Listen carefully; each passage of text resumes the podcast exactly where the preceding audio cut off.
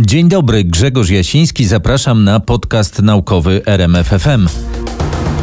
Dziś opowiem o tym, że Układ Słoneczny ma nową planetę. No, Prawie. Chodzi o planetę karłowatą. Kret znów wpadł w kłopoty po okresie wbijania w powierzchnię Marsa. Coś wypchnęło go kilkanaście centymetrów w górę. Naukowcy znaleźli kolebkę ludzkości. Twierdzą, że jako my, Homo sapiens, pojawiliśmy się 200 tysięcy lat temu w Botswanie. Ale nie wszyscy naukowcy się z tym zgadzają.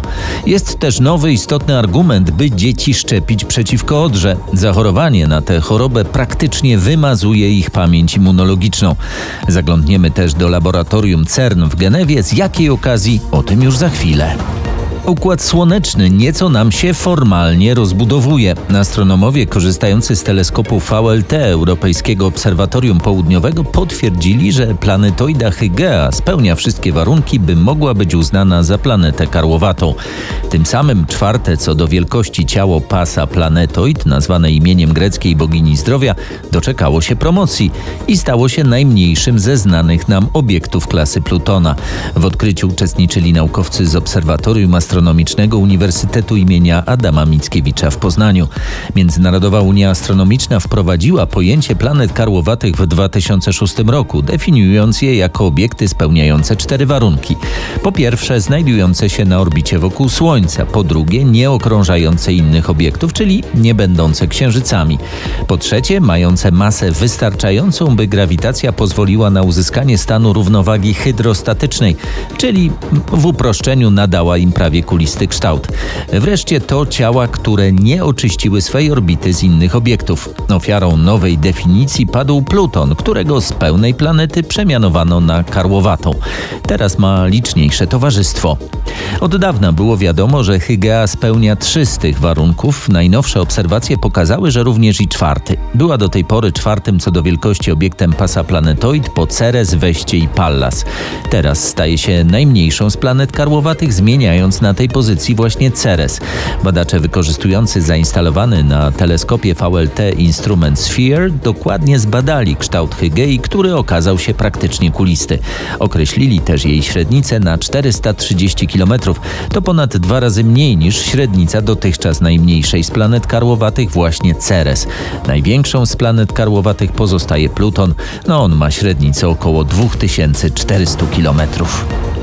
Warunki panujące na Marsie nie przestają naukowców zaskakiwać. Po paru tygodniach powolnego wkopywania się w marsjański grunt, polski instrument Kret nagle częściowo wysunął się na zewnątrz. Coś go wypchnęło. NASA analizuje możliwe scenariusze prowadzące do tego typu nieprzewidzianej sytuacji. Kret nie ma wstecznego biegu. Przez ostatnie tygodnie za pomocą łopatki ramienia robotycznego sondy InSight przyciskano go do bocznej ścianki wygrzebanego w marsjańskim gruncie otworu. To miało zwiększyć tarcie potrzebne mu do zagrzebywania się w grunt. Metoda wydawała się skuteczna, mówiliśmy o niej. Urządzenie wsunęło się do głębokości mniej więcej 38 cm. Na zewnątrz wystawały ostatnie 2 cm. I oto niespodziewanie w ciągu poprzedniego weekendu kret jednak wysunął się kilkanaście centymetrów w górę i lekko przechylił. Kret to urządzenie wbijające, wyprodukowane przez polską firmę Astronika wraz z Centrum Badań Kosmicznych PAN. Jest elementem sondy termicznej HP3, jednego z podstawowych urządzeń sondy InSight. Jego praca ma kluczowe znaczenie dla realizacji jednego z celów misji. Kret ma za zadanie wkopać się możliwie głęboko pod powierzchnię, nawet do 5 metrów, by rozwinąć tam cały zestaw czujników termicznych i umożliwić pomiar ciepła płynącego z wnętrza planety. Jeśli Kret sobie nie poradzi, tego eksperymentu nie da się przeprowadzić. Jak mówi RMFFM, jeden z twórców Kreta, dr Jerzy Grygorczuk z firmy Astronika, bardzo prawdopodobna jest hipoteza wiążąca ten niespodziewany efekt z bardzo niskim na Marsie ciśnieniem atmosferycznym. Jeśli w wyniku pracy pod powierzchnią czerwonej planety doszło do uwolnienia śladów jakichś gazów, mogły one wypchnąć Kreta mniej więcej tak, jak to się dzieje w ręcznej pompce do roweru. Testy na Ziemi w warunkach normalnego ciśnienia atmosferycznego i większej siły ciążenia nie mogły tego efektu pokazać. Dr Grygorczuk zapewnia, że misja Kreta jeszcze nie jest skończona, samo urządzenie pracuje poprawnie. Za pomocą łopatki ramienia robotycznego sondy będzie można jeszcze spróbować mu pomóc. Trzeba tylko pilnować, by nie wyszedł z gruntu całkowicie i się nie przewrócił. Nasi dalecy przodkowie około 200 tysięcy lat temu znaleźli sobie dobre warunki rozwoju na południe od dorzecza Zambezji na terenie obecnej Botswany. Pisze na łamach czasopisma Nature Międzynarodowy Zespół Naukowców. Wyniki opublikowanych przez nich badań genetycznych wskazują na to, że przedstawiciele Homo sapiens sapiens żyli tam około 70 tysięcy lat, a do rozproszenia się na inne tereny nakłoniły ich 130 do 110 tysięcy lat temu między innymi zmiany klimatyczne. Te migracje przyczyniły się potem do genetycznej, etnicznej i kulturowej różnorodności naszego gatunku.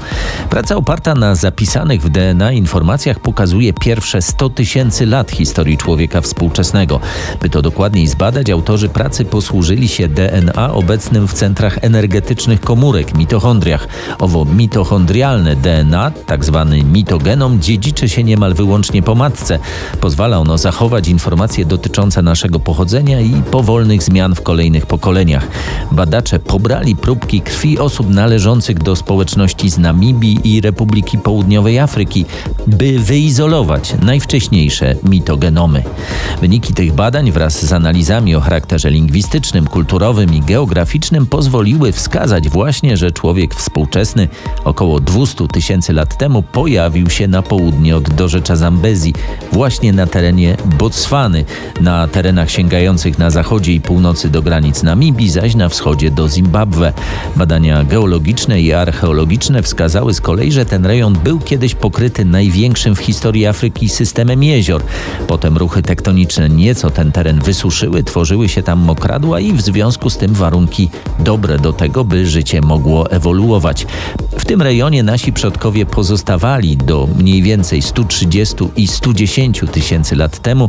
Potem zaczęli się przemieszczać. Pierwsza fala migracji podążyła na północny wschód, druga na południowy zachód. Pozostała część populacji miała pozostać tam na miejscu.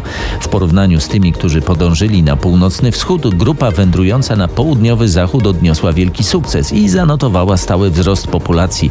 Zdaniem autorów to mogła być zasługa przystosowania się do możliwości korzystania z żywności dostępnej w morzu. Co ciekawe, społeczność naukowa przyjęła te doniesienia dość chłodno. Po pierwsze, zwraca się uwagę na to, że dotychczasowe znaleziska wskazują na to, że społeczności naszych dalekich przodków pojawiały się w różnych rejonach Afryki i potem mieszały ze sobą. Po drugie, wskazuje się na szczątki znalezione w Maroku i pochodzące sprzed 315 tysięcy lat. To sugeruje, że nie było jednej kolebki ludzkości. Naukowcy niezwiązani z pracą dotyczącą Botswany wskazują na to, że badania mitochondrialnego DNA współczesnych społeczności niekoniecznie muszą prowadzić do takich wniosków, jakie sformułowano. Spory w nauce to nic nowego. Będziemy śledzić, co z tego wyniknie. Zachorowanie na odrę jest jeszcze groźniejsze niż dotąd myśleliśmy. Międzynarodowy Zespół Naukowców potwierdził właśnie, że wirus tej choroby potrafi w znacznym stopniu wymazać pamięć immunologiczną organizmu dziecka, zwiększając gwałtownie zagrożenie innymi chorobami. Praca opublikowana na łamach czasopisma Science potwierdza raz jeszcze, jak ważne są szczepienia przeciwko tej chorobie. Badania przeprowadzono przy okazji fali zachorowań na odrę w Holandii. Autorzy pracy opisują wyniki analiz krwi 77 dzieci, które nie były wcześniej szczepione i przeszły odrę. Próbki krwi pobierano im przed i po chorobie. Ich analiza wykazała, że działanie wirusa potrafi wyeliminować z ich organizmu od 11 do nawet 73% różnego rodzaju ochronnych przeciwciał, które pomagają organizmowi zwalczyć wirusy i bakterie, z którymi wcześniej miał kontakt. Bez tych przeciwciał dzieci są ponownie podatne na choroby, które już wcześniej przechodziły. Te dzieci może nie są tak bezbronne jak noworodki, ale niewiele im brakuje, mówi współautor pracy Steven Elledge z Howard Hughes Medical Institute. Mamy silne dowody na to, że wirus odry w praktyce niszczy ich układ odpornościowy. Jest znacznie bardziej szkodliwy niż myśleliśmy, co oznacza, że szczepienie jest w jego przypadku jeszcze bardziej wartościowe, dodaje Elledge. Wirus odry jest jednym z najbardziej zaraźliwych, jakie znamy. Wcześniejsze badania wskazywały na to, że szczepienie przeciw niemu ma większe znaczenie niż tylko ochrona przed tą chorobą, a zachorowanie na odrę może mieć z kolei konsekwencje wykraczające poza jej objawy. Jedna z hipotez głosiła, że być może ta szczepionka wpływa ogólnie wzmacniająco na cały układ odpornościowy. Potem zaczęto podejrzewać, że istotniejszy jest jej brak. W 2015 roku odkryto, że odra może wywoływać immunologiczną amnezję trwającą nawet 2 do 3 lat. Teraz udało się ten efekt lepiej zrozumieć. Co ciekawe, odkrycia dokonano nieco przez przypadek przy okazji testowania technologii VirScan, umożliwiającej detekcję wszystkich wirusów, jakie infekowały daną osobę na podstawie badania jednej kropli krwi. Metoda, która świetnie sprawdza się w przypadku wirusa HIV, grypy, opryszczki i setek innych wirusów, nie była jednak w stanie poradzić sobie z wirusem odry. Podejrzewano, że u osób zaszczepionych przed wielu laty poziom przeciwciał może być już dla tej aparatury za niski. Stąd pomysł, by prowadzić testy na krwi dzieci, które infekcje przeszły stosunkowo niedawno. Tu przydała się współpraca z Rickiem Desfartem z Erasmus University Medical Center. W 2013 roku badacze z Rotterdamu pobrali próbki krwi od grupy nieszczepionych dzieci z pewnej ortodoksyjnej protestanckiej społeczności. Po tym jak pojawiła się tam fala zachorowań, próbki krwi pobrano ponownie, przeciętnie 10 tygodni później. Te próbki przebadano teraz z pomocą technologii VirScan. Tym razem nie było problemu z wykryciem przeciwciał wirusa odry, przy okazji jednak na światło dzienne wyszło co innego.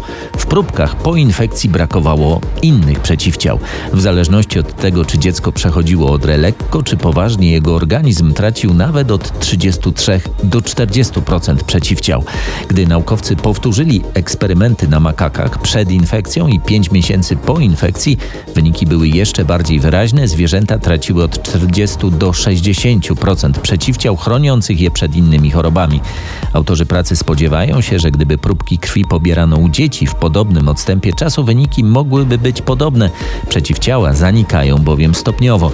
Mechanizm będzie dalej badany, ale naukowcy mają dla nas bardzo konkretną radę, byśmy szczepili dzieci. Jeśli dziecko nie przyjmie szczepionki MMR i zachoruje na odrę, może się okazać konieczne powtórzenie wcześniejszych szczepień przeciwko innym chorobom, np. żółtaczce czy polio. Wielki zderzacz hadronów w laboratorium CERN w Genewie obchodzi wkrótce dziesiątą rocznicę pracy.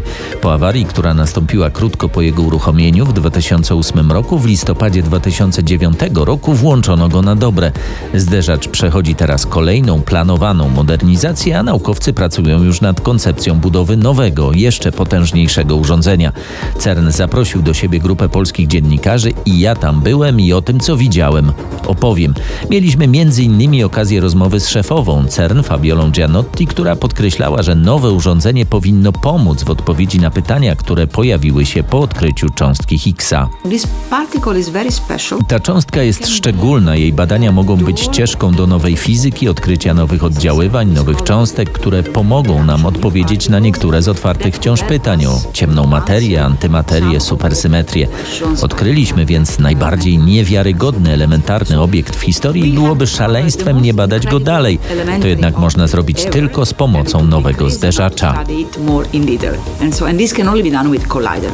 Fizyka cząstek elementarnych bada małe obiekty za duże pieniądze, bo potrzebuje potężnych instrumentów. Im mniejsze obiekty chcemy badać, tym większych instrumentów potrzebujemy. Jeśli chcemy badać komórki naszego ciała, mikroskop wystarczy. Jeśli chcemy badać podstawowe składniki materii, potrzebujemy wielkiego akceleratora. To oczywiście kosztuje, choć nie trzeba tych pieniędzy znaleźć od razu. To wydatki rozłożone na dziesięciolecia. Ponadto te pieniądze nie idą tylko na bezpośredni cel naukowy, ale też na rozwój najnowszych technologii, które są potrzebne przy tak zaawansowanych eksperymentach. Nie tylko w przypadku CERN badania podstawowe napędzają innowacje. Jak mówi mi pracujący w CERNI w Instytucie Fizyki Jądrowej Polskiej Akademii Nauk w Krakowie doktor habilitowany Paweł Brickman, naukowcy liczą wciąż na nowe odkrycia z pomocą wielkiego zderzacza hadronów. To są zjawiska bardzo rzadkie i bardzo trudne do zaobserwowania. W związku z tym im większą ilość zderzeń zanalizujemy, tym większa szansa, że zobaczymy coś, albo czego szukamy, albo coś nowego, o czym jeszcze w ogóle nie mamy pojęcia. Na tym nasza praca polega. Najlepszym przykładem tego pierwszego było odkrycie y, cząstki Higgsa. Teraz czas na poszukiwania tak zwanej nowej fizyki, tego czego jeszcze nie wiemy. Wiemy, że musi być coś więcej. Wiemy, że to coś więcej, ponieważ nie zostało dotąd zaobserwowane, musi wiązać się z jeszcze wyższymi energiami czy masami. Żeby to wyprodukować, żeby to eksperymentalnie zaobserwować, potrzebna jest większa energia. Większa intensywność sama w sobie nie wystarczy. Przy wyborze nowego programu rozważane są dwie możliwości. Podobny jak wielki zderzacz hadronów, tylko dużo większy kołowy akcelerator protonów i liniowy akcelerator elektronów i pozytonów. Ten drugi projekt jest trudniejszy, ale ma istotne zalety. Protony, jak wiadomo, są obiektami złożonymi z kwarków, gluonów i tak. Zderzanie ich to tak jak trochę jak zderzanie samochodów, to znaczy yy, rozsypuje się wiele, yy, na wiele części i trudno spośród tego bałaganu wyłowić yy, to, co nas interesuje. W przypadku zderzacza liniowego rozpędzane i zderzane są elektron ze swoją antycząstką, czyli pozytonem. To są cząstki elementarne. One są, nie są złożone z niczego i temu, co próbujemy zaobserwować, nie towarzyszy mnóstwo śmiecia. CERN przygotowuje się do sformułowania swojej strategii już w przyszłym roku. Wtedy dowiemy się prawdopodobnie, która koncepcja zostanie wybrana. Wizyta w CERNie była okazją do przekonania się, jak wielki jest udział Polski w prowadzonych tam badaniach. Będzie jeszcze okazja dokładniej o tym opowiedzieć. Sama Fabiola Gianotti przekonuje, że współpraca między Polską i CERN to naprawdę wielki sukces, a Polska jest bardzo poważnym partnerem. Polska ma wielki udział w czołowych programach CERN dzięki znakomitym fizykom, znakomitym inżynierom, doskonałym technikom. Polska dostarcza też ważną aparaturę do eksperymentów, w tym detektorów. Sama przekonałam się o tym w eksperymencie Atlas, gdzie pracowałam z polskimi kolegami. Licząc osoby tu zatrudnione i tak zwanych użytkowników, w CERN pracuje około 500 osób z Polski. Całą rozmowę z szefową CERN-u, która 7 lat temu ogłosiła światu odkrycie cząstki Higgsa, znajdziecie na rmf24.pl. Do relacji z CERN dotyczących wielkiego zderzacza hadronów, ale nie tylko, będę w najbliższych tygodniach wracał na kolejny naukowy podcast RMFFM. Zapraszam już za tydzień.